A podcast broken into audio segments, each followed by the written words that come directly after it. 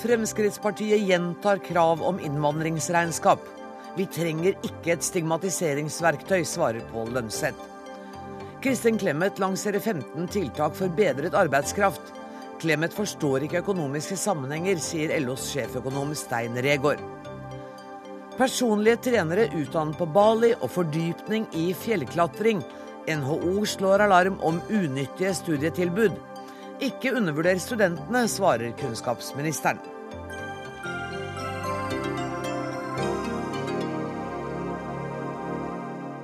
Dette er noen av sakene i Dagsnytt 18 denne tirsdagen, hvor vi også skal få høre at nye, sekulære tekster til kristne julesanger provoserer i adventstida. Men først. Det har gått 17 år siden Fremskrittspartiet første gang tok til orde for at vi bør føre regnskap over innvandringens økonomiske konsekvenser. Og nå børster partiet igjen støv av forslaget. Per Sandberg, leder av justiskomiteen på Stortinget for Fremskrittspartiet. Hvorfor vil dere ha et sånt regnskap nå? Jeg tror det er veldig viktig ja, å få på plass hvorvidt at en kaller det et regnskap, eller hva man kaller det. da. Det, hvis, hvis, regnskap er det som skal stoppe det, så må vi skifte begrep. Ja. Men jeg tror det er veldig viktig nå, for det skjer veldig mye. Norge har en enorm innvandring målt i forhold til andre land som, som vi kan sammenligne oss med. Vi har en sosial uro i Europa som, på, som vi kjenner allerede nå, men som vi foreløpig ikke ser de store konsekvensene av. Vi har eh, også stor innvandring utenfra fra Schengen. Eh, og det er klart at eh, velferdssystemet vårt knaker litt nå. Eh, og jeg syns at Brochmann-utvalgets rapport advarte oss og pekte på mange forhold. Eh, og når vi sier at vi vil ha fakta på bordet, så er det kompetanse for å gjøre de riktige grepene. Eh, og jeg vil ikke at dette skal oppfattes negativt. Okay. Fordi at det finnes mange, mange positive elementer med innvandring. Små og mellomstore bedrifter de skal være med og bidra til også at vi kan få fakta på bordet for å se hvorvidt vi kan berge velferdssystemet, forsvare velferdssystemet eller endre velferdssystemet. For de tallene som ligger både i Brochmann-utvalget, men også i SSB, tilsier at vi har en, ikke en befolkningsøkning, men en befolkningseksplosjon.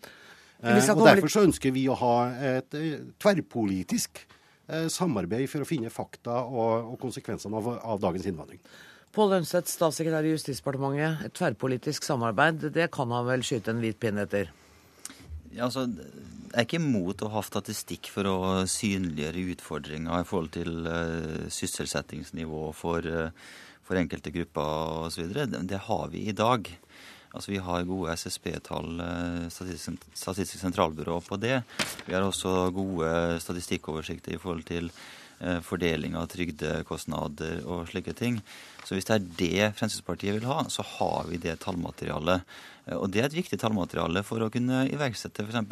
nødvendige tiltak. Men det, jeg stiller store spørsmålstegn med, er altså hva Fremskrittspartiet skal med dette innvandringsregnskapet. Hva er jeg redd for at det er en sånn stigmatiseringsverktøy som Fremskrittspartiet er ute etter, og det, det er imot. Men la oss ikke henge oss opp i dette ordet regnskap, sånn som Sandberg sier. Eh, eh, fordi at det kan vel hende at det kan være noen opplysninger ut fra at Frp ikke ber om tallmateriale som allerede eksisterer? Nei, vi har masse tallmateriale. Eh, og det er klart at dette må vi sette i en sammenheng, men så mangler det mange momenter. Fordi at SSB eh, opererer med forskjellige scenarioer i forhold til innvandring, og hvilken innvandring vi får. Eh, og hvilke utfordringer vi står overfor økonomisk i Norge i forhold til høykonjunktur, lavkonjunktur. Et stort oppslag i, i Dagens Næringsliv i dag som peker på akkurat samme problematikken. Advarer om innvandringsbobla. Eh, innvandrings, ikke sant? Og det går på hva skjer nå når vi har stor arbeidsinnvandring, høykonjunktur i Norge, og så kommer vi i en lavkonjunktur, så skal den arbeidskrafta som vi henter inn nå, skal ut igjen. Men har altså rettigheter til norsk velferd. Er det det, som er, er det, det som er det avgjørende det, poenget? Nei, det er én. Ja, det er ett okay. av elementene. Men, men da, da, tror jeg vi kanskje er i kjernen på dette, fordi jeg, jeg mistenker Frp mot, og de må gjerne arrestere meg hvis jeg tar feil, er at de vil ha en arbeidsinnvandring à la hva vi ser i Kuwait, eh, Eh, Forente, Forente, arabiske emirater, hvor, hvor, du tas til Norge, skal jobbe 12-14 timer i døgnet uten å opparbeide deg noen som helst rettigheter, og hjemsendes så snart du ikke har den uh, jobben du har. Det er en type arbeidsinnvandring som, uh, som det er all mulig grunn til å stille store spørsmålstegn ved, og som ikke er regjeringens politikk. For vi er vel ved det sentrale Ja, for Vi er ved det sentrale spørsmålet nå, om de skal opparbeide seg rettigheter i Norge når de skal ut igjen. og Det er det dere ikke vil. Det, det er ett av elementene. Men så har du en stor innvandring til Norge som ikke blir sysselsatt. Og Den kronikken som er i Aftenposten i dag, den var forkorta. Men, men den øh, originalutgaven den tok for seg Oslo, hovedstaden vår, og utviklingen der. Og Oslo er virkelig ute å kjøre. Fordi at man får altså så mange innbyggere som ikke blir sysselsatt, og som faller over på trygdesystemene, og som skal ha bolig, skal ha barnehage, skal ha skole uten at det skapes vekst. Nå har Oslo en, en gjeld på 7-8 milliarder. I løpet av bare noen tiår så vil Oslo ha en gjeld på 40 milliarder. Men fordi at man skal ta, ta imot innvandring som ikke er sysselsatt. Men Sandberg, dette dreier seg også om integreringspolitikk. Ja, og der har dere i siste statsbudsjettet foreslått altså å, eh, å rasere overføringene til kommunene, for, bl.a. i forhold til integrering. Så jeg klarer ikke helt å se hvordan, dette, henger, klarer ikke å se hvordan dette henger sammen. Den må jeg svare på. Vi behandler nå saldering av årets budsjett. Der kutter regjeringa 500 millioner på enkelte områder fordi at man får et resultat av politikken sin. Vi sier vårt alternativt budsjett vil føre til at vi får mindre innvandring, mindre asylsøkere, mindre familiegjenforening. Derfor kan vi også kutte på disse budsjettpostene, sånn som regjeringa sjøl gjør Men når de reviderer saldering. Er vi ikke forpliktet av internasjonale, internasjonale avtaler på en del av disse områdene? Absolutt er vi det. Eh, vi er forpliktet av i forhold til arbeidsinnvandring, så er vi forpliktet av Schengen-regelverket og EØS-regelverket. Og det er, vi er forpliktet i forhold til, eh, til flyktningkonvensjonen i forhold til de som kommer her som flyktninger. Frp har tidligere sagt at de skal stenge grensene for asylsøkere i de neste fem årene. Hvordan de har tenkt å gjøre det, er jo helt ut i det blå. For det første så er jeg imot å gjøre det, fordi det er altså ikke i tråd med en, en linje på internasjonal solidaritet at vi skal ta våre internasjonale forpliktelser. Men i tillegg vil det være altså et massivt brudd på de folkerettslige forpliktelsene vi har. Eh, og det er selvfølgelig helt umulig å gjøre det. For det står ikke i pannen på noen Per Sandberg at de er asylsøkere. Nå, det står ikke i pannen på noen at ved grensen at de er kriminelle. Nå, opplever jeg det samme igjen. Eh, nå er Arbeiderpartiet og Lønseth på defensiven. Og så må man da plukke fram noen utsagn som har kommet fra enkeltpersoner i Fremskrittspartiet. Og det beklager jeg. Men, men, og sånn er det når man er på defensiven og går tom for argumenter. Jo, at noen i Fremskrittspartiet har sagt at man skal stenge dørene i fem år. Også, jeg har skrevet, i programmet Din partileder ga ut og gi støtte for det. Nei, nei, nei. nei, Slutt å tøyse. Ja, men, hun er ikke her, så da forholder vi oss til det som er saken. Alle disse konvensjonene og internasjonale avtalene vi har, vi har stilt spørsmål ved det.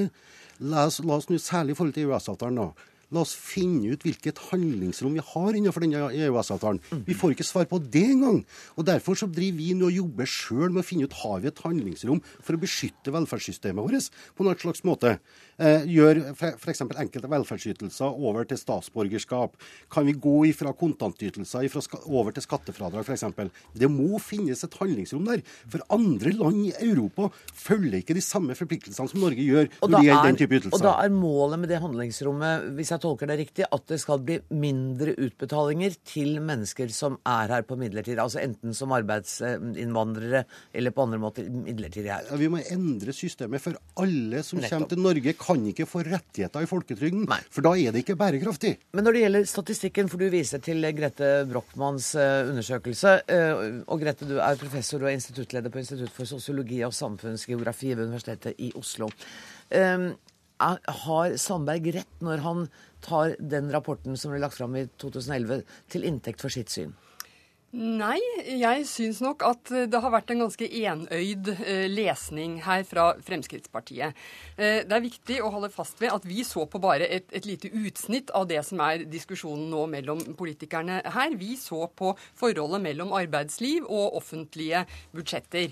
Eh, og eh, arbeidslivet hadde en, en, en, veldig sentral plassering i det, det, vi så på. Men det som var et av de viktigste budskapene våre, det var jo at det er veldig sammensatte virkninger av innvandring. Det kommer an på hvem det er som kommer, hvilke ressurser de har med seg, og i hvilken grad de blir integrert i arbeidsliv og i samfunnet.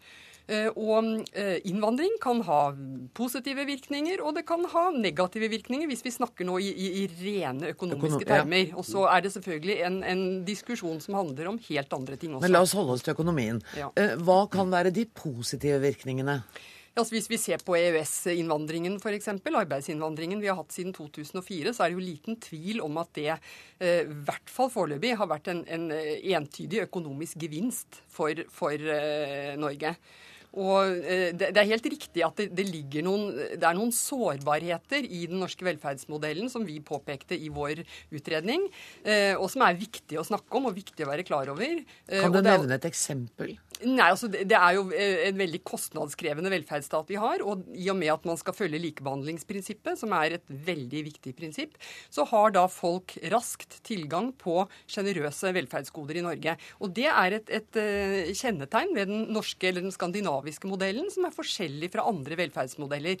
Sånn at vår modell er da mer sårbar i forhold til en del av disse dimensjonene enn andre velferdsmodeller. Men, men når det gjelder f.eks. arbeidsinnvandringen, så er det, er det, helt klart at det har vært så langt en gevinst. Og så er det andre grupper som også har vært inne her, altså folk som kommer som flyktninger eller, eller også familiegjenforente. Og da må vi huske på en veldig viktig ting, og det er at de gruppene i det norske eh, samfunnet som har størst problemer i forhold til eh, arbeidslivet, det er også grupper som vi skal ta imot av helt andre grunner enn at de skal eh, bidra til vekst, økonomisk vekst i Norge. Og de forpliktelsene vil det ikke være snakk om at vi eh, skal bryte, ikke sant. Men, men, når vi snakker om det økonomiske lønnsett, så, så sier jo også forskerne her at velferdssystemet vårt er sårbart mm. fordi de raskt kommer til, eh, med krav på ytelser, og som de har rett til. Mm. Ja, men igjen så er vi altså tilbake i den diskusjonen om at skal det være forskjell på om du gjør en arbeidsinnsats som en, uh, som en nordmann med norsk statsborgerskap, skal du da uh, ha en forskjell på, i forhold til om du gjør akkurat samme arbeidsinnsatsen som en, en, en utlending som jobber her i Norge. Uh, og jeg mener at selv om det er, du skal alltid følge bildet, så er det alltid sånn at vi må tilstrebe å ha en likhet mellom Uh, gjør din uh, plikt, krev din rett. Mm. Og det er et likhetsprinsipp som uh, for regjeringen står høyt. Det er allerede en forskjell. Eh, store deler av den arbeidsinnvandringa vi har fra EØS-området nå, de er i Norge og eh, tjener veldig godt. Og så har de eh, bostedadresse i opprinnelseslandet, som er et lavkostland. Så der er det allerede en konkurransevridning. Men, men til Brochmann. Altså, Jeg er jo enig i alt som blir sagt. Det Det er så bra. Ja, Og det er jo det som er budskapet mitt også. Men at Brochmann prøver å gjøre det til at jeg er uenig med Fremskrittspartiet, det syns jeg er litt uheldig. Her er, her er fra, her er fra Brochmann-utvalget. Ja, jeg ser ikke, da ser ingen andre Men det er klart og tydelig statistikker som viser fremt, fremtidsutsiktene våre. Og jeg kan lese en hel masse sitater fra Brochmann-utvalgets rapport. Og også fra Brochmann sjøl, som er enig med Fremskrittspartiet. Tusen takk for at dere kom. Vi kom ikke lenger i denne runden, men eh, jeg regner med at jeg ser dere igjen om ganske kort tid. Eh, tusen takk til Pål Lønseth, statssekretær i Justisdepartementet, professor Grete Brochmann og Per Sandberg fra Fremskrittspartiet. Hør Dagsnytt 18 når du vil, på nettradio eller som podkast. nrk.no – dagsnytt 18.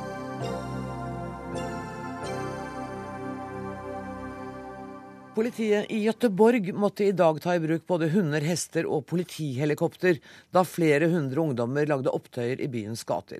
Ungdommene var rasende fordi det var lagt ut bilder av lettkledde tenåringsjenter på nettet sammen med en nedsettende tekst. Bjørn Blikster, du er pressetalsmann for politiet i Gøteborg. Hva skjedde i byen i dag? Ja, det var ju så att ungdommer ungdomar då i Göteborg begikk begick sig till den här skolan där den här utpekade flickan då som ligger bakom den här ryktesspridningen skulle gå. Och eh, då var det 70-80 personer inledningsvis som samlades på skolgården och det var lugnt och det var bra och det hände inte så mycket inledningsvis under de första timmarna. Polisen var på platsen och hade en bra dialog med ungdomarna men sedan så tillstötte det ytterligare ett större antal ungdomar och då blev det stenkastning, man kastade flaskor mot polisen och man gav sig ut i trafiken och gav sig på bildan, bilarna och då blev det lite ordningsstörande och ganska bekymmersamt inledningsvis där. Aftonbladet har lagt ut en film av en jente som ble mishandlet av eh, mobben. Er det den samme jenta som har lagt ut disse bildene på nettet? Det vågar inte jag svara på. Vi har ett antal filmer, ett större antal filmer från dagens händelser som vi tittar på och vi försöker i varje enskilt fall och identifiera då en målsägande som eh, vi kan upprätta en anmälan och även hitta en gärningsman eh, på varje film. Och i just det här specifika fallet du frågar så vågar inte jag svara på om det är samma person. Jag tror inte så i fallet. Okay. Dere har anholdt en rekke personer i dag. Hva skjer med dem nå? Nei, altså vi har da opptakten til det her bråket i, i, i, dag. Det er den her hemsiden og det her portalet som ligger. Og hva som har hendt utredningsmessig til dette, det vil vi ikke kommentere av hensyn til utredningen. Utan vi kommenterer bråken som har vært på stan. Og da har polisen omhendertatt 27 ungdommer för ordningsstörning som finns tillfälligt hos oss. Och så försöker vi då att identifiera eventuella brott och gärningsmän på ett antal filmer. Så att den förundersökningen eh, som du nu syftar på, den väljer vi att inte kommentera av hänsyn til utredningen i dag. Det forstår jeg. Tusen takk skal du ha, Bjørn Blikster, pressetalsmann for politiet i Gøteborg. Jan Espen Kruse, du er utenriksreporter her i NRK. Hva vet du mer om bakgrunnen for disse opptøyene? Det var altså bilder av 200 jenter som ble lagt ut. Og en del av de var lettkledde. De ble lagt ut med fullt navn. Eh, det ble lagt ut eh, sexrykter. De ble stemplet som horer. Eh, så det var altså veldig grove omtaler av disse jentene det er snakk om. Og, og natt til i dag så foregikk det eh, diskusjoner på Facebook. Disse bildene ble stjålet fra Facebook og Twitter og lagt ut på en sånn bildedelingssted. Eh, og det foregikk altså eh, diskusjoner. Og, og de, temaet var hvordan skal de hevne seg. Uh, og det var det de var ute etter, for å hevne seg på denne jenta da, som visstnok skal ha gjort det. Vet dere hvem som tok initiativet til denne hevnaksjonen, så å si? Nei, Vi må vel anty, eh, anta at det var en del av de som ble lagt ut, mm. og, og, og, fikk disse veldig grove omtalene om seg sjøl. Og det ble ganske voldsomt, for jeg leste tidligere i formiddag at politiet sa at vi har ikke kontroll over situasjonen nå. Det var sånn i ett-tiden. Ja, og når politiet sier at de ikke helt har kontrollen, da kan du bare gjette deg til hvor ille det har vært. For det var altså helt kaotisk. Det var ville tilstander. Eh, så, som man sa, de kasta steiner, de kasta flasker, eh, de knuste vinduer, reiv ned. Altså var de prøvde altså å, å trenge inn eh, på denne skolen på, på alle mulige måter. Og 27 mennesker er anholdt av politiet nå. Jeg regner med at de kommer til avhør. Og så vil han ikke foreløpig kommentere mer på den konkrete saken. Hva er årsaken til det, tror du? Ja, De er jo naturligvis redd for at dette skal spre seg. Dette, er, dette fenomenet med at det legges ut bilder av, av, unge mennesker, unge jenter som ikke ønsker det, det er vel kanskje ikke unikt for denne skolen. Nei. Det er et problem vi kjenner til i, både i Sverige og Norge og andre land. Og det, det er vel det de frykter, at det skal eh, Her er ideen sådd. Eh, sånn kan man hevne seg. Eh, du har fulgt dette mye tettere enn meg i dag. Ser det nå ut til at det er rolig i Göteborgs gater? Ja, akkurat nå er det rolig, men eh, den siste meldingene går ut på at det fortsatt er en del ungdommer som oppholder seg der eh, for å ville se, og politiet følger med. Så det er litt spent fortsatt. Tusen takk for at du kom i studio, Jan Espen Kruse, utenriksmedarbeider.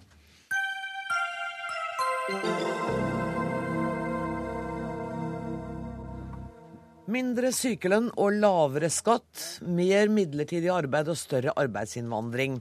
Dette er noe av Kristin Clemets oppskrift på bedre, en bedre arbeidskraft. Hun forstår ikke økonomiske sammenhenger, sier LOs sjeføkonom Stein Regård. Kristin Clemet, daglig leder i den liberale tankesmien Civita.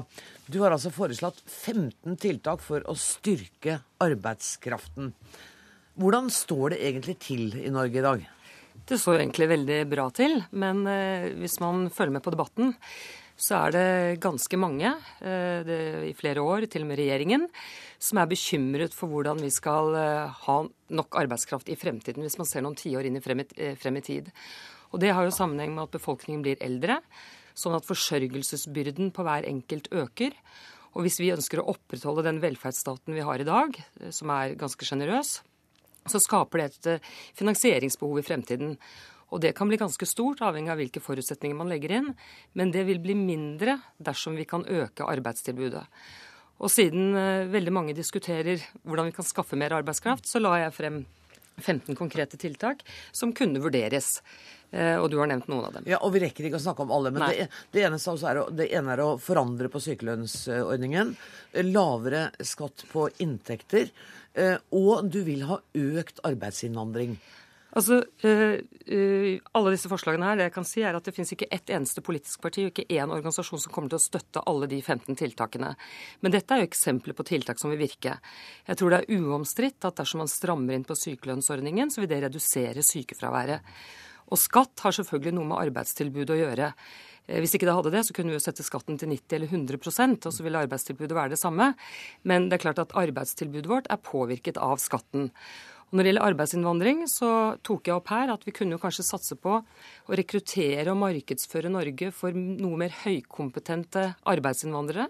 I dag får vi mange arbeidsinnvandrere med relativt lav kompetanse, men vi kunne også tenke oss at vi fikk flere med høy kompetanse. Og så nevnte jeg også at uh, når det gjelder arbeidsinnvandring fra land utenfor EØS, så har vi en veldig byråkratisk ordning med en kvoteordning som tar veldig mye tid for bedriftene. Og den kunne man tenke seg at man kunne forenkle, for å nevne et par eksempler. Sjeføkonom Stein Regaard, du var kanskje litt eh, rask med å avfeie disse forslagene så kategorisk? Nei, nå vil jeg først si at jeg var uttalte meg ikke så nedsettende som du uh, sa nå om Kristin. Uh, men uh, utgangspunktet er at Du sa vel at dette er mangel på um, forståelse av økonomiske sammenhenger? Ja, er, Jeg husker ikke alle Nei, der kan du se. Jeg kan komme tilbake, tilbake til, til, det. Jeg kommer til å huske det. det som jeg Det var jo mange punkter, og noen av dem var litt sånn faktafeil, men det behøver vi ikke å gå inn på nå. Det var ikke det avgjørende. Men det jeg særlig fester meg ved, er vel et par ting som gjør at jeg syns at uh, man har litt, en litt vikarierende innfallsvinkel til det. Jeg tror at uh, hovedhensikten med dette det er å få lavere skatt, som du sier. Og så er det å få billigere arbeidskraft på en del områder. Og jeg syns kanskje det hadde vært mer realt å, å, si det. Fordi at redusert skatt, lavere skatt, det reduserer jo skaten, statens inntekter. Så det kan jo ikke være noe godt virkemiddel for å styrke den når det er bekymring for om den klarer å finansiere tingene framover. Så det henger så å si ikke på greip. Når det så gjelder eh, innvandring, så er det et, et, et svært tema. Vi skal være klar over at vi nå har en enormt stor innvandring. 50 000 kanskje i året. Mye mer enn det vi hadde forutsatt. Og vi har store problemer med å takle dem på en god måte og integrere de som kommer. Og det skal ganske mye til for at innvandring løser noen balanseproblemer i økonomien. For det forutsetter at eh, de som kommer, jobber mer enn de som er her fra før. Og til nå har jo ikke det vært uh, tilfellet, og det er en ganske eh, krevende eh, greie. Så, eh, Men arbeidsinnvandrerne har en veldig høy delaktighet i arbeidslivet. Dette var liksom den forrige saken vi snakket om i Dagsnytt 18 i dag. Ja, det kommer litt an på hvordan du definerer det. Okay. Og særlig hvis du Vi snakker jo nå litt på lang sikt, og ja. det syns jeg er et fornuftig utgangspunkt. Og da nytter det ikke bare å ha det øyeblikksbildet. Jeg vil nok si at strukturelt så er det, er det konsekvent sånn at innvandrere har en lavere deltakelse enn nordmenn. Det er riktig at det nå har en gunstig alderssammensetning i begynnelsen, men hvis du korrigerer for det, så har så å si alle innvandrergrupper lavere eh, deltakelse enn det andre har. Og det er jo kanskje, hvis vi ser bort fra dette med skatt, som bringer oss i retning av et, et høyere samfunn, og jeg tror det er egentlig det som er hovedhensikten her. For det styrker jo ikke statens finanser å sette ned skattene. Så eh, må vi, en, eh, må vi, også unngå, da, hvis vi skal ha noen gevinst ved innvandringen, at det ikke fortrenger norsk arbeidskraft.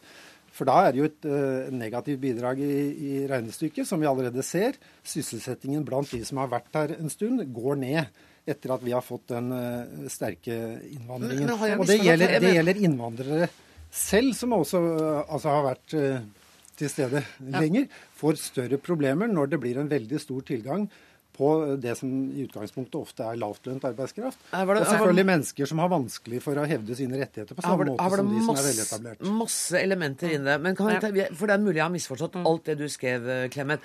Men han snakker, Regård snakker nå om at innvandrerne må ikke fortrenge norsk arbeidskraft. Er det ikke det som er noe av problemet her? At vi trenger den norske arbeidskraften? Altså at det kommer ikke til å skje.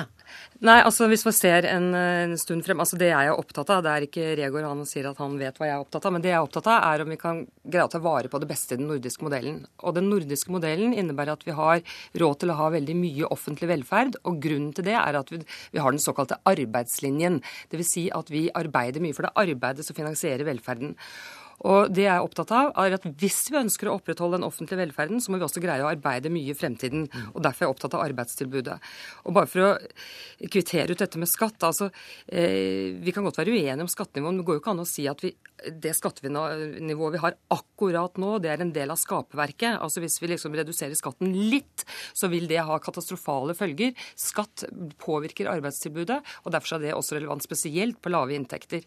Og Når det gjelder innvandring, så er det jo diskutert diskutert det før i dag. Det som er, eh, Jeg er overbevist om at eh, arbeidsinnvandringen som vi har hatt til Norge de siste åtte-ni årene, det har vært en til velsignelse for Norge og norsk velstand og norsk økonomi. Jeg er også overbevist om at migrasjon det er en vinn-vinn-situasjon for verden. For det er kanskje det mest effektive tiltaket vi har for å få til utvikling og bekjempe fattigdom.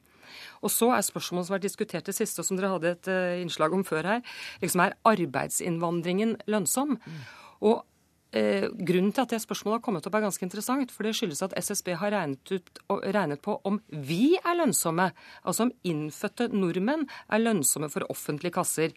Ikke for Norge eller verden, men for offentlige kasser. Og da viser det seg jo at vi er ulønnsomme. Vi får mer ut av offentlige kasser enn vi betaler inn i løpet av livet. Og det er mulig på kort sikt fordi vi kan leve av oljeinntektene.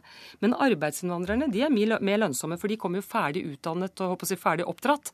Men det SSB har sagt, er at hvis vi tar inn eh, arbeidsinnvandrere eh, Vi stopper å ta inn arbeidsinnvandrere nå. Og så blir de som har kommet, de blir boende her. Hva skjer da med de barna og barnebarna deres? Og da sier de at hvis de blir nærmest perfekt integrert og blir som oss, og vi ikke gjør noe med velferdsstaten, ja, så blir de like ulønnsomme som oss. Men det er klart at så lenge det kommer arbeidsinnvandrere hvert år til Norge, som er et mer realistisk scenario, så bidrar det til at vi får en yngre arbeidsstokk, en yngre befolkning. Sånn sett så kan man i hvert fall si at man skyver foran seg de store finansieringsproblemene som følger av den babyboomen som vi etter krigen, som gjør at vi nå får denne såkalte eldrebølgen, og som kan hjelpe oss gjennom det store finansieringsproblemet og det presset på velferdsstaten som kommer om noen tiår. Jeg har aldri tenkt på meg selv som lønnsom eller ulønnsom for staten. Jeg må begynne med det, skjønner jeg. Det er kjempelønnsom, sikkert. Men eh, for det første er jeg veldig glad for at eh, hun er litt nyansert når det gjelder skatt. At vi egentlig frafaller det som noe middel til å styrke statens finanser. For redusert skatt, det svekker statens finanser. Ikke hvis det fører til økt arbeidstilbud. Nei, men det er ikke, det noe, det er ikke, noe, det er ikke noe skattelette som fører til det. Du har riktignok rett i at det kan være noen dynamiske effekter, men det, så du kan uh, ta inn igjen 10-20-30% hvis du er veldig heldig og de designer det på den riktige måten, men fortsatt mangler det da enten 90 eller 70% for at det skal gå i null. Så ja, men Hvis du får mennesker stort... som ikke arbeider til å begynne å arbeide fordi du gjør noe med skattene, f.eks. så har vi hatt et system i Norge hvor uføre ja, men, har fått mer jo, men, skatt på arbeid enn de hadde på trygden, og da holder de ute av arbeidsmarkedet, ja. og det er ikke fornuftig. Men det kaller vi å legge om skattesystemet. Så hvis du hadde sagt at vi skal lage en vridning i skattesystemet, f.eks. øke noen skatter, f.eks. For formuesskatten, som du ellers vel også skal ha ned, eh, så hadde det hengt på greip. Altså en vridning i skattesystemet som trekker i den retning. Ellers så er eh, resultatet av dette et minus for, for eh, staten. Men Regård, har ikke Clemet rett i å, å peke på noen av disse problemstillingene? Jo, selvfølgelig, og det syns jeg bare er strålende. Da blir jo invitert hit hvis hun får litt respons på innleggene sine. Men hun må da altså tåle å påpeke når de ikke henger på greip. Og Når det gjelder det med innvandring, så er det i hvert fall det et veldig dristig prosjekt. og Hun snakker nå også nå om litt eh, pen eh, økning, men tidligere har hun jo tatt til orde for fri innvandring. og Det vil jo gi en flom her i, i Norge. og, og den, men, men, men, da, men, da, leser du meg ikke skikkelig, fordi, fordi det må kunne gå an å ha visjoner for noe som er moralsk riktig en gang i fremtiden, uten at det skal berøre dagsaktuell politikk. Men jeg må si det som er litt rart med LO, de sier at hvis vi får innvandring, så kan det skyve vekk så å si våre egne fra arbeidsmarkedet arbeidsmarkedet. For faktum er jo at vi har veldig mange som står utenfor arbeidsmarkedet i Norge, som gjerne vil og kan arbeide, som ikke greier å komme seg inn. Men de tiltakene som skal til for at de får en lettere adgang til arbeidsmarkedet, f.eks. en lettere adgang til midlertidig arbeid, det vil jo LO heller ikke være med på. Så når LO blir spurt om hva er alternativet deres til å liberalisere adgangen til midlertidig arbeid litt, så sier, henviser LO til Nav. Og jeg mener at vi må være åpne både for å gjennomføre tiltak for de som står utenfor arbeidsmarkedet her nå, men også se relativt pragmatisk for muligheten til eh, å rekruttere mennesker. Er ikke du enig i det? Da? Nei, vi viser ikke til Nav når det gjelder midlertidig tilsetting. Vi, vi, viste, vi viste til, eh, til OECD, som med det samme utgangspunktet som Clement har jobbet i mange år for å få større gjennomslag for uh, mer svekket oppsigelsesvern, altså mer midlertidig ansettelse. Men etter iherdig forskning over mange år så måtte de konkludere at det greide de ikke å dokumentere. Og Det er selvfølgelig fordi at vinninga går litt opp i spinninga. Du får bedriftene kanskje til å ansette lettere. Men så blir det så lett å fyre folk når, når det blir litt vanskeligere tider, at eh, men jeg, nettoeffekten på dette jeg, ikke, jeg har ikke gått inn for svekket oppsigelsesvern, men jeg har gått inn for at flere Midlertidig tilsetting er selvfølgelig svekket oppsigelsesvern. Du hva, vi skal gå det, det, Man må være streng på tidsbegrensningen og litt mindre streng på innholdet i arbeidet. Vi skal snakke om midlertidig tilsetting når dere to har gått ut av studio. Er ikke det rart? Tusen takk for at dere kom, Kristin Clemet og Stein Regaard.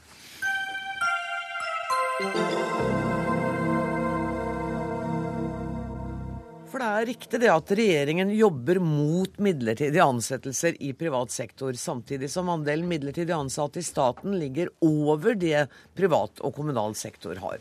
På grensa til hyklersk, sier Høyre. Kristin Halvorsen, kunnskapsminister, hjertelig velkommen. Ja. Tusen takk. Det var, det var, så vidt du rakk. Ja, ja det jeg rakk det akkurat. Ja, det, det er helt perfekt. Eh, hva er grunnen til at det er så veldig mange flere midlertidig ansatte i f.eks. den sektoren som du har ansvaret for, enn det er i privat og kommunal? Det er jo fordi at eh, de eh, reguleres av tjenestemannsloven, som gir sterkere stillingsvern på den ene siden og litt svakere vern i forhold til midlertidige ansettelser på den andre siden. Og Det som er utfordringen i høyskolesektoren og universitetssektoren, det er at vi har mange midlertidig ansatte. En del av det kan begrunnes fordi f.eks. For eh, de følger opp forskningsoppdrag. Men det er mye høyere innslag av midlertidighet enn det som kan forklares på den bakgrunn. Og Derfor har det vært veldig viktig for oss å få en oversikt over hva som er situasjonen, og gå nøye gjennom hver enkelt institusjon det har vi nå fått en oversikt over. Eh, vi har fått nye tall som viser en liten nedgang. Men det mest interessante for meg er egentlig at det er så stor variasjon mellom ulike høyskoler og ulike universiteter. Så det vi skal gjøre i neste omgang nå, det er å gå løs på hver og en av dem. Drive litt mer skreddersøm. Skryte av de som har jobba godt med midlertidigheten og fått den ned. Men samtidig utfordre dem veldig tydelig, de som ikke har hatt den samme positive utviklingen. Ja, for Det er altså tjenestemannsloven som regulerer dette innenfor din sektor. Og din kollega Annike Huitfeldt sa i går at grunnen til at det må være sånn, er f.eks. at embetsmenn må ha beskyttelse mot usaklige oppsigelser. Er det en god nok grunn til å beholde tjenestemannsloven i sin nåværende form? Ja, tjenestemannsloven er nesten 100 år gammel, og det var bl.a. begrunnelsen den gangen da den kom. og hun bruker man, den da? Jo, og det, det, er jo en viss logikk i det. At f.eks. hvis det skulle bli regjeringsskifte, da. At ikke tjenestemenn skulle være, selv om de kanskje hadde sagt imot de som skulle komme inn og, og regjere, at de skulle føle at de var utrygge av den grunn. Fordi vi er veldig opptatt av å ha et embetsverk f.eks. som står tungt på det, på det, faglige. Så det er den historiske begrunnelsen for det. Det som jo er en diskusjon nå, da, det er, det er jo en del som sier at la oss nå endre på tjenestemannsloven. Og da, Det har vi avvist uh, i, i denne runden, fordi at det vil jo i tilfelle utfordre balansen i den loven. Både det sterke stillingsvernet, men også den økte eller den utvida adgangen til midlertidighet. Torbjørn Røe Isaksen, medlem i arbeids- og sosialkomiteen for Høyre. Hva syns du om eh, denne tjenestemannsloven og det dilemmaet som statsråden her påpeker? Jeg, jeg syns ikke det er et spesielt godt dilemma. For, det, for andre arbeidstakere så er det jo sånn at eh, man, blir, man ligger under reglene i arbeidsmiljøloven, som er den store sånn, grunnloven i arbeidslivet som omfatter alle, eh, stort sett. Og det er jo ikke sånn at det er eh, ja, for eksempel, Ta departementseksempelet til Kristin Halvorsen. nå. Det er jo ikke sånn at i en bedrift, hvis man får nye eiere, så kan man sparke folk vilkårlig. Og det er jo veldig bra.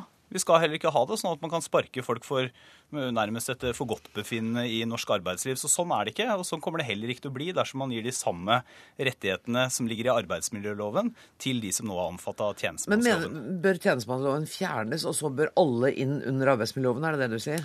Ja, I hvert fall som et første steg så kunne man hatt like regler for staten som i det private. F.eks. når det gjelder dette med midlertidige ansettelser. For det, midlertidige ansettelser det kan være veldig bra f.eks. For, for å gi folk en sjanse i arbeidslivet, for å få funksjonshemmede, innvandrere, en del unge folk f.eks., som bare trenger å ha noe på CV-en, inn i jobb. Mm. Men det er jo ikke meninga at man skal gå 10 år eller 15 år på midlertidige ansettelser, sånn som staten har gitt seg selv muligheten til. Eller jeg mener jo egentlig at det er ikke lov med dagens regelverk heller, men sånn som det praktiseres i hvert fall i det området som staten har ansvaret for i dag. Og, og det går jo an å forstå det når det gjelder, som du sa, Kristin Halvorsen, forskningsprosjekter som skal følges opp og kanskje avsluttes. Men en hel del av dette er jo administrative stillinger på universiteter og høyskoler. Det kan dere jo ikke akseptere. Nei, det er nettopp derfor det er så viktig å gå inn på hver enkelt institusjons praktisering av dette. Eh, og da fins det noen områder som det er en god begrunnelse for, og det er vi for så vidt enige med, med organisasjonene om også, men andre områder som det er en dårlig begrunnelse for. Og det er også sånn at noen blir gående i midlertidige stillinger over lang tid. Og det har vi nå bedt om å få en bedre oversikt eh, over. Så her er det viktig at vi holder trykket oppe også. Jeg, jeg syns det er litt oppsiktsvekkende hvis Høyre har tenkt å, å fjerne tjenestemannsloven. Det Ikke i denne en... omgang, sa han. Nei, men det er klart at hvis du går inn og gjør betydelige endringer på det som er kjernen i tjenestemannsloven, da er du inne på et område med, hvor selvfølgelig partene og de ansattes organisasjoner også vil ha en sterk oppfatning eh, av det. Sånn at jeg, jeg, tror den beste veien nå, det er den veien vi velger. Det er en frivillig vei, ikke en lovendringsvei, men med et sterkt trykk for å få ned de midlertidige ansettelsene. Knut Årbakke, du er leder i Akademikerne. Hva er, eh, hva er gjennomsnittsalderen på akademikere som nå får fast jobb? Det er litt ulikt. Hvis du går til sektoren til Kristin Halvorsen, universiteter og høyskoler, så er snittalderen på den første faste jobben, hvis du er vitenskapelig ansatt, 43. Ok, Så du rekker det før du blir pensjonist? Ja, du rekker det før du blir AFP-pensjonist. Men det er bare så vidt, altså. Du er, du er liksom snart omfattet av sånne seniorpolitiske tiltak. Syns du at de tiltakene som statsråden nå skisserer, er gode eh, tiltak? Det at de går inn på hver eneste høyskole, hvert universitet og går igjennom og legger et press på, istedenfor å gjøre det med loven? Nei. Eh, for det første så har jeg ikke tro på at det vil virke. Eh, for dette er, altså Kristin Halvorsen er ikke den første ministeren som sier akkurat det hun sier. At dette, vi skal ta dette opp med institusjonene. Vi skal be de stramme inn praksis. Det har jeg hørt fra samtlige utdanningsministre eh, så lenge jeg har vært i dette systemet. Og det begynner å bli 15 år. Har du fast jobb? Eh, ingenting har, eh, nei, jeg valgte verv, så da, da, er du jo helt rettsløs, selvfølgelig. Men, men, men poenget er at, at dette er Situasjonen har vært sånn helt stabil hele tiden. Verstingen har vært universiteter og høyskoler. Sånn har det vært hele tiden. Og det å ta det opp i styringsdialogene som det de snakker om, å være ute og si fy-fy de som bruker mye, og klappe på skulderen de som er blitt flinkere, det, det er altså institusjonene får hvis, hvis, de gjør en bra jobb her. Det er litt ros fra Kristin Halvorsen. Og det skal man selvfølgelig ikke kimse av. Jeg skulle gjerne hatt litt mer ros av Kristin Halvorsen av og til. Men, men det er det eneste de får. Så det eneste man kan gjøre for å få gjort noe her, det er å si enkelt og greit det er en lov som gjør at institusjonene benytter seg av noen rettigheter. De rettighetene må fjernes. Institusjonene må fjerne, altså må fjerne muligheten institusjonene har til å ansette midlertidig i 10 og 12 år. Det er helt uverdig. Kristin Halvorsen må få lov å svare på det, så skal du få ordet. Jeg skal pause av at det faktisk har hatt effekt. Nettopp at man har uh, tatt opp med institusjonene veldig mye tydeligere enn tidligere. Det gjorde Tora Aasland i fjor. Og nå følger jeg opp ved å gå løs på hver enkelt institusjon. For noen er jo gode. Noen ligger omtrent på det som er snittet for arbeidslivet ellers, mens andre har en veldig høy bruk av midlertidighet. Og dette handler jo også om at man trenger god ledelse også innenfor universiteter og, og, og høyskoler. Og der tror jeg det skorter ja, men, men Der tror jeg vi har veldig mye å hente. Men hva er grunnen sånn. til at ikke man kan endre den loven? Altså, Du sitter og forvalter et lovverk som gir eh, institusjonene mulighet til å ansette midlertidig over lang tid. Og det har statsråden allerede jo, forklart hvorfor hun ikke vil forandre på det nå. Det handler jo også om at hun har et veldig sterkt stillingsvern og, nest, og, en god del ansatte innenfor uh, akademia som nesten ikke flytter på seg. Men, men, men og på den sånn andre siden Vent litt, da skal jeg bare fort, fullføre setningen. Og på den andre siden en, en, en større mulighet til, til, midlertidighet. Sånn at uh, det er veldig viktig, og vi oppnår resultater ved å gå på hver enkelt institusjon. Alle arbeidstakere i Norge har et sterkt stillingsvern, og det skal vi beholde. Det er en god ting. Men så, la meg ta et konkret eksempel. I arbeidsmiljøloven så er det sånn at du kan ansette midlertidig. Det er noen kriterier for det. Men så kan du, hvis du har vært ansatt hos samme arbeidsgiver eh, inntil fire år, da har du rett til fast jobb, for å si det litt enkelt. Det er, jo, er, det ikke, er det ikke bare å gjøre det sånn, da? Kunne ikke den regelen også vært gjeldende i staten? Da ville du sluppet Da kunne du rett og slett sagt at hvis du da ser at ok, nå har jeg gått i fire og et halvt år, og sjansen er stor for at jeg kommer til å gå i ti år til før jeg får en fast jobb, ja vel, da kan du med loven i hånd, i hvert fall den loven som opposisjonen og Høyre vil ha, kan du da gå til arbeidsgiver så kan du si at nå har jeg vært her i fire år, i loven står at da har jeg rest til fast Men vil ikke da arbeidsgiver forsøke å sørge for at du ikke ble der i fire år, for å slippe nettopp den forpliktelsen? Det forekommer jo også. Da, da har du jo Jo, det, det er klart, det kan teoretisk sett skje, men hovedpoenget er jo at dette er jo verdifulle folk for norske universiteter universiteter og høyskoler. Det er jo ikke sånn at de har råd egentlig til å si, la folk uh, slippe. Nei. og jeg mener faktisk at her må man ha man må ha en mulighet til å bruke midlertidig ansettelse når det trengs. Men poenget er at det skal være for kortsiktig behov for å få en terskel inn i arbeidslivet, ikke at man blir gående i 10-15 år. og Da mener jeg at det trengs en lovendring. Og det tror jeg alle er enige om at man, det er ikke meningen at noen skal gå i 10-15 år på å vente ja, en fast ansettelse. Ja. Men den begrunnelsen som man kan si at eh, er, er en reell og viktig begrunnelse innenfor f.eks. For forskning, det er at du kan få forskningsprogrammer som varer et visst antall år. Og så argumenterer jo da universiteter og høyskoler med at da kan de være i den situasjonen at det ikke er de samme forskerne som kanskje skal være med på neste eh, program. Når jeg går nærmere inn og ser på det, så er det mye av den midlertidigheten også som er knytta til dette, som ikke er godt uh, begrunna. Sånn at ja, det er veldig viktig å holde trykket oppe her. fordi jeg tror jo at vi går glipp av en del gode forskere mm. som tenker at denne, denne, midlertidigheten kan ikke jeg leve med. Jeg må ha større trygghet for å få lån og betale utgiftene mine. Og så velger de seg andre yrker, og dermed så går vi glipp av en del av de grensestrekkene. Ord hvis du har kort. Ja, altså Det jeg syns er et paradoks, det er at de eh, virksomhetene der staten enten er staten selv eller staten eier, som sykehusene våre, det er verstingene på midlertidig ansettelse. I norske sykehus er halvparten av legene midlertidig ansatt. Og man gjør ingenting med det. Og dette er altså dette der de har enklest for å gjøre det. Og det er på en måte en ny debatt, og den ja, ja. gleder jeg meg til å invitere dere til. Men akkurat her må jeg si Vi gjør noe med det på universiteter og høyskoler. Så ja. bare følg Jeg må si takk til dere. Ja, det er bra. Eh, Torbjørn Isaksen, medlem av Stortingets arbeids- og sosialkomité, og til Knut Årbakke, leder av Akademikerne. Og så ber jeg rett og slett eh, statsråden bli sittende, for vi får eh, besøk av Svein Oppegård. For nå skal det dreie seg om unyttige studieretninger. Slike studieretninger frister studentene og kan føre til at de havner utenfor arbeidsmarkedet, sier NHO, som mener at vi ikke trenger flere personlige trenere med utdanning fra Bali, eller flere studenter i faget fjellklatring. Og kunnskapsministeren mener det lukter gamle Sovjetunionen av NHOs argumentasjon. Svein Oppegård, du er direktør for arbeidslivspolitikk i NHO. Hvorfor er dere så bekymra for at folk skal få lov til å studere det de har lyst til, og kanskje ha det litt gøy også? Nei, Folk må gjerne ha det gøy, men det går an å studere noe som er jobbrelatert og viktig, selv om man har det gøy. Jeg tror det er viktig å understreke at uh, skolen er jo den viktigste på en måte leverandøren av arbeidskraft til arbeids- og næringslivet, og da er det viktig at det er en god match mellom det folk går på skole, og det de skal arbeide med etterpå. Og det vi ser nå, det er jo at det har vært en voldsom vekst de siste ti årene i ulike programmer, både på bachelorstudiet og på masterstudiet. Vi har telt opp at det er ca. 1900 forskjellige programmer. Og det er klart, da kan du stille spørsmålstegn ved om kvaliteten i alle de programmene er god nok. Vi mener at den ikke er det.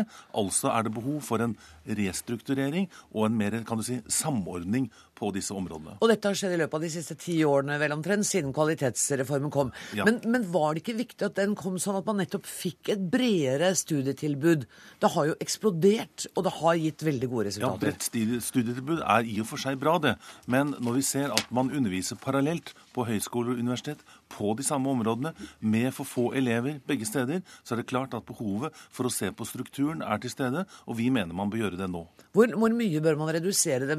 Altså, hvilke har dere satt dere ned og laget en liste over hvilke studiemuligheter som ikke bør være der? Nei, men Det vi har sett, og det har vi tatt opp fra NHO i lang tid, det er at dreiningen mot de tekniske fag, mot realfag, mot matematikk osv. er viktig. Jeg skal ikke si at det er så for mange som går på samfunnsfag, men vi ser at etterspørselen etter arbeidskraft på de områdene er stor. Og det er gledelig at vi ser en utvikling, at det er stadig flere som velger det, men det er fortsatt mye å gjøre. Det er det som etterspørres i arbeids- og næringslivet, og da må skolen også kunne levere det. Men ja, jeg skjønner ikke helt, for at du sier at det er altså en økning av folk som har lyst til å bli ingeniører mm. og velge datafag og sånn. Hvor stort er problemet da at noen har lyst til å studere humaniora? Nei, Det er ikke noe stort problem sånn sett, men vi har fortsatt et underskudd på kvalifisert arbeidskraft til de tekniske fagene, både på fagopplæring og på høyere utdanning. Så det ønsker vi å, å vri til og stimulere til at vi får flere til å velge de studieretningene. Det er viktig for næringsliv, og det er viktig også for det hele arbeidslivet. Kristian Halvorsen, har dere gitt høyskolene og universitetene for frie tøyler når det gjelder dette? er 1900 fag? Men nå har vi egentlig blanda ganske mange debatter i én. Ja, jeg liker det. Ja. Men la meg prøve. For det første, jeg reagerer veldig på at NHO karikerer norsk ungdom sånn som de gjør. Eh, fordi det vi ser når vi ser hva ungdom søker seg mot, og hvor vi oppretter nye studieplasser, det er at det er veldig stort samsvar mellom de ønskene som ungdom har når de velger studier, og de behovene som samfunnet har. Vi har f.eks. en vekst når det gjelder søkere til ingeniør- og sivilingeniørstudiet bare fra 2005 på 55% Og vi har oppretta stadig nye eh, studieplasser innenfor realfag. Vi har en vekst når det gjelder søkning til lærerutdanning bare siden 2008 på 50% Vi har høy søkning til helse utdanningene. Og bra er det, fordi vi vet at på disse områdene her kommer vi til å trenge mer. Men i dag har vi en slags blandingsøkonomi, eller blandingsforhold her. Vi styrer jo en del når vi tildeler nye studieplasser til institusjonene, og det har vi gjort, særlig innenfor eh, realfag og lærerstudiet. Eh, så har høyskoler og universiteter en frihet i forhold til hvordan de tilrettelegger sine studier, og det gjør de bl.a. i samarbeid med Eh, arbeidslivet. Fordi vi har råd for eh, samarbeid med arbeidslivet på alle utdanningsinstitusjonene. Og den dialogen er veldig viktig, for det handler noe om lokale behov eh, også. Og så er det selvfølgelig veldig vanskelig å tenke seg at staten skulle være supergode til å styre i detalj hvor, hvor i framtida vi trenger studenter. Vi utdanner jo studenter i 40-års, kanskje 50-års perspektiv. Eh, og være 100% sikker på, når vi sitter der og dimensjonerer ulike studier på, at vi er veldig mye smartere til å velge enn godt opplyste studenter er, og en blanding av det, det er, det er jeg ikke sikker på. Men er det rart at et virker. samfunn sier at vet du hva, vi, nå trenger vi mer og mer av dette, og så stimulere til det? Altså Må alles individuelle lyst og rett være men, det? Men sånn er det jo ikke heller. Nei. Altså Vi styrer Eh, når vi tildeler nye studieplasser. Høyskoler og universiteter styrer når de dimensjonerer sine tilbud, og ungdom velger. Det er klart at Universiteter og høyskoler de tilrettelegger også ut fra hvor de har eh, god søkning. Men det er altså ikke sånn at, at ungdom i Norge er helt ute å kjøre når det gjelder å velge studier. De er godt, godt, opplyst. Og næringslivet har jo et veldig stort ansvar også for å si noe om hva slags tilbud de trenger. Både til høyskoler og universiteter, og på en sånn måte at studentene vet hvor det er gode sjanser til å få seg interessante arbeidsoppgaver for framtida. Og staten driver en kontroll gjennom det arbeidet som gjøres. Da må jo, Er ikke det godt nok? Det er det du sier, du vil ha nei, mer kontroll? Vi, Nei, vi syns ikke det er godt nok. Vi er veldig klar over at rådene for samarbeid på den enkelte undervisningsinstitusjon er viktig i forhold til å styre utdanningsbehovet. Men satt litt på spissen, så er det jo ikke slik at dagens 19-åringer fullt og helt skal styre ressursbruken i uh, undervisningssektoren. For det er deres valg som avgjør også hvor pengene, pengene strømmer hen. Så vi mener at det er behov for en kursendring. Og jeg vil også bare peke på én mulighet. Vi kan stimulere studieretninger også gjennom økonomiske eh, insentiver. Vi kan gi stipend til de som velger en utdanning som vi ser det er stort behov for. Jeg skal bare nevne ett eksempel.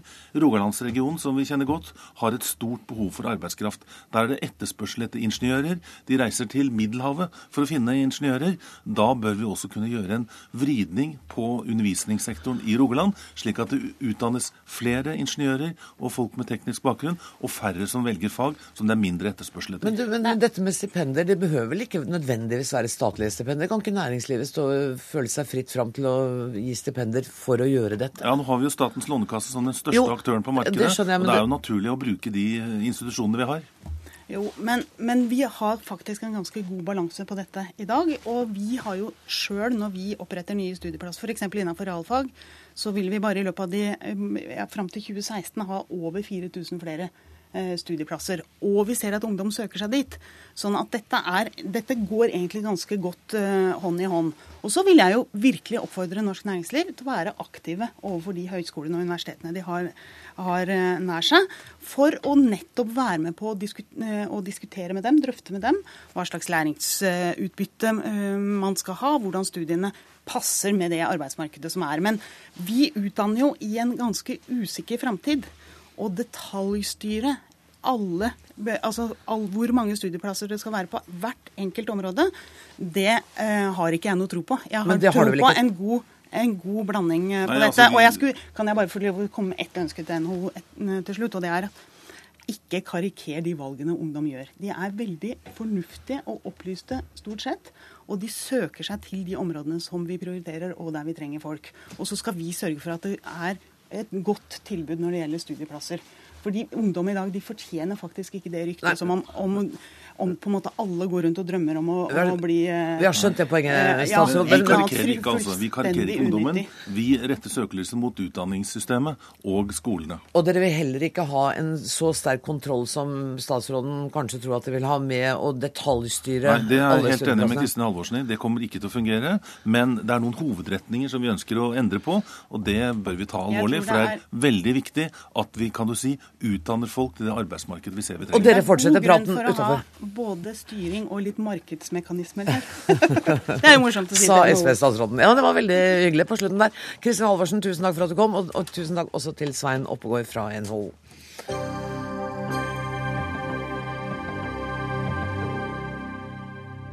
Selv om 'Deilig er jorden' forkynner fred og fordragelighet, har den skapt furore nå midt i adventstiden. Her får du høre hvorfor. Deilig er jorden i sin rike velde, gir den oss livet på ny hver dag. Undrende hører vi morgenen våkne, alt trekker jordens åndedrag. I den alternative julesangboka 'Når nettene blir lange', utgitt på Humanist forlag, har julesalmene fått en ny og avkristnet tekst. Helge Simones, sjefredaktør i Vårt Land. Det syns ikke du man skal slippe billig unna med. Hvorfor ikke det? Jeg har ikke sagt at du ikke skal slippe billig unna. Eh, Humanist forlag må få lov å gjøre akkurat som de vil. Så, eh, men eh, Du er imot dette? Hvis du tenker deg inn i en kontekst av at at det er en kamp mellom Human-Etisk Forbund og kristendommen i dette landet, så kan du si at ja, eh, vi kan være glad for at eh, human, humanist skyter seg sjøl i foten på en slik måte. For her har jeg fått veldig mange reaksjoner på denne, denne måten å gjøre det på. Men jeg syns ikke vi snakker om å komme billig unna. Men, men, du skriver altså i din leder i Vårt Land i dag at forsøket på til, tilrivelsen av kristne julesanger vitner om fattigdom i egen tradisjon. Ja, Det syns de absolutt. Eh, at det vitner om en, eh, en djup fattigdom. Og eh, Eh, når det gjelder 'Deilig av jorden', så er jo det utenfor på en måte åndsverksloven, fordi ja, at den er så gammel. Men uh, den er tross alt skrevet inn i en åndstradisjon, som jeg syns uh, Human-Etisk Forbund skal ha stor respekt for.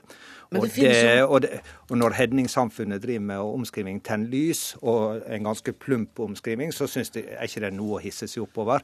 Men når en seriøs aktør som Human-Etisk Forbund forsøker seg på noe av det samme, så syns jeg det er litt dummere. Ja, men du, det har jo skjedd masse eksempler på at det motsatte har skjedd. Ja, men... Å leve av det er å elske. Vassbotns fantastiske tekst. Der het det opprinnelig å spegla, å spegla ein himmel av. Det ble forandret for å få den inn i den nynorske salmeboka til ja. 'Spegla Guds himmel av'. Så det går jo begge veier.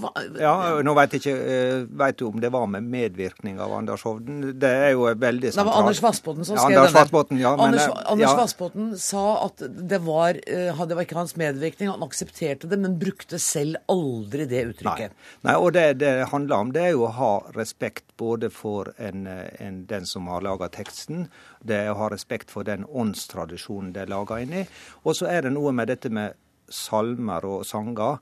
Det er jo en, både en kombinasjon av en tekst og en, en, melodi som utgjør helheten. Og det er jo det som blir det meste, fordi at du knytter så mye opp til selve eh, melodien.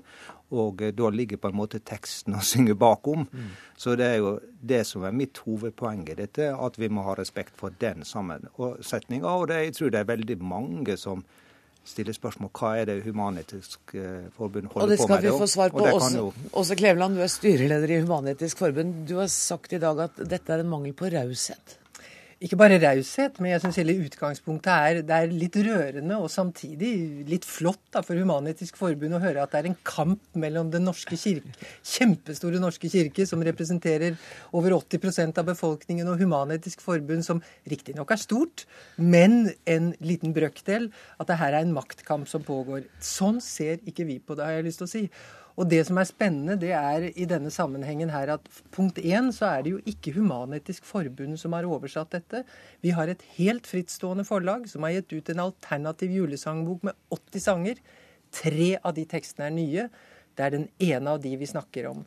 Og eh, det er ikke hver dag jeg siterer lederen for, um, for Den norske kirkes eh, salmebok, men i dag syns jeg han var knakende god da han uttalte i Vårt Land at dette provoserte han ikke et øyeblikk. Dette er et veldig vanlig fenomen i historien.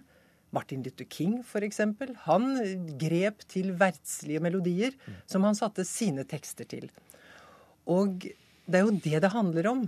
Vi har levd nå faktisk med to versjoner av 'Deilig er jorden' ja, siden, by, siden første del av forrige århundrede. Arnulf Øverland skre, har skrevet en ikke-religiøs tekst som har fungert, som heter 'Deilig er jorden', som har fungert parallelt med den som de fleste av oss kjenner uten at det har skapt kalabalikk i fedrelandet, og uten at det sånn sett har undergravd det som har skjedd. Men hadde det ikke vært fint om vi kunne skille de to, da? For jeg mener, til ungdommen var det diskusjon om skulle inn i salmeboka. Mm. Nå ble det ikke gjort, og det var vel dere også kanskje glad for, eller ikke vet jeg? Men der snakket man jo om å ta en tekst som var skrevet av en ateist, som helt åpenbart aldri ville kalt dette som en salme. Man skulle ta den teksten å sette inn i salmeboken. Her er det faktisk en ny tekst. Og hvis vi går til engelsk språk, så er det sånn at 'Deilig er jorden', den melodien som er en gammel folketone fra Schlesien, den finnes i en hel drøss forskjellige versjoner. Og de lever godt ved siden av hverandre. Så jeg tror man må erkjenne at når det gjelder kultur, som dette er, så er det ikke sånn at det er én absolutt en gang for alle, mm. men at det er noe som er levende og forandrer seg. Simones. Ja, det er ikke noe snakk om at det er en juridisk enerett når det er åndsverkslova. Det er jo regler for det hva tid det er det åndsverket på en måte er oppheva. Du har lov til å gjøre nesten hva du vil med et åndsverk. Så det er ikke det det handler om. Men det handler om å vise respekt for ulike grupper. Og jeg tror at det er veldig mange mennesker opplever dette galt i forhold til det, den erfaring de har med det de har gjort. Mm. Og det er det som er hovedpoenget mitt. Men jeg er ikke sint, jeg er ikke aggressiv. Jeg, ikke, jeg bare, jeg bare, jeg bare sier at dette må vi få lov å si at men, det, men, det er litt dumt. Men jeg har lyst likevel å si at på førstesiden i Vårt Land i dag så snakker du om dette som at man har stjålet og tuklet med. Og det er likevel med å gi et inntrykk av noen ting som er lett kriminelt, og i hvert fall meget tvilsomt. Og det, det skaper et problematisk forhold for debatten. Sendetida vår er snart ute. Jeg må be deg ta på hodetelefoner også, Klevan. Yes. For vi skal ha med oss Håvard Rem, som er forfatter. Og han er en av dem som bidro til Kirkelig kulturverksteds album eh, 'Norge mitt Norge', og med en egen tekst til 'Deilig er jorden'. Var det problematisk for deg å tukle med en folkekjær og kristen sang, Håvard Rem? Nei. Det, den, det er en sang som tilhører kollektivet. og og som Kleveland sa, så, så, består jo litteraturhistorien veldig mye å referere til og spille på, på tidligere tekster. Og, og som Simones sa, så er jo også Ingemanns uh, vidunderlige tekst den er jo også falt i det fri. Så her, her står man fritt til å gjøre hva man vil. Uh, jeg tror vel at hvis noen skal være glad for uh, Sivertsens litt ubehjelpelige Eh, forsøk på å nyskrive denne eh, teksten, så er det nettopp kirka.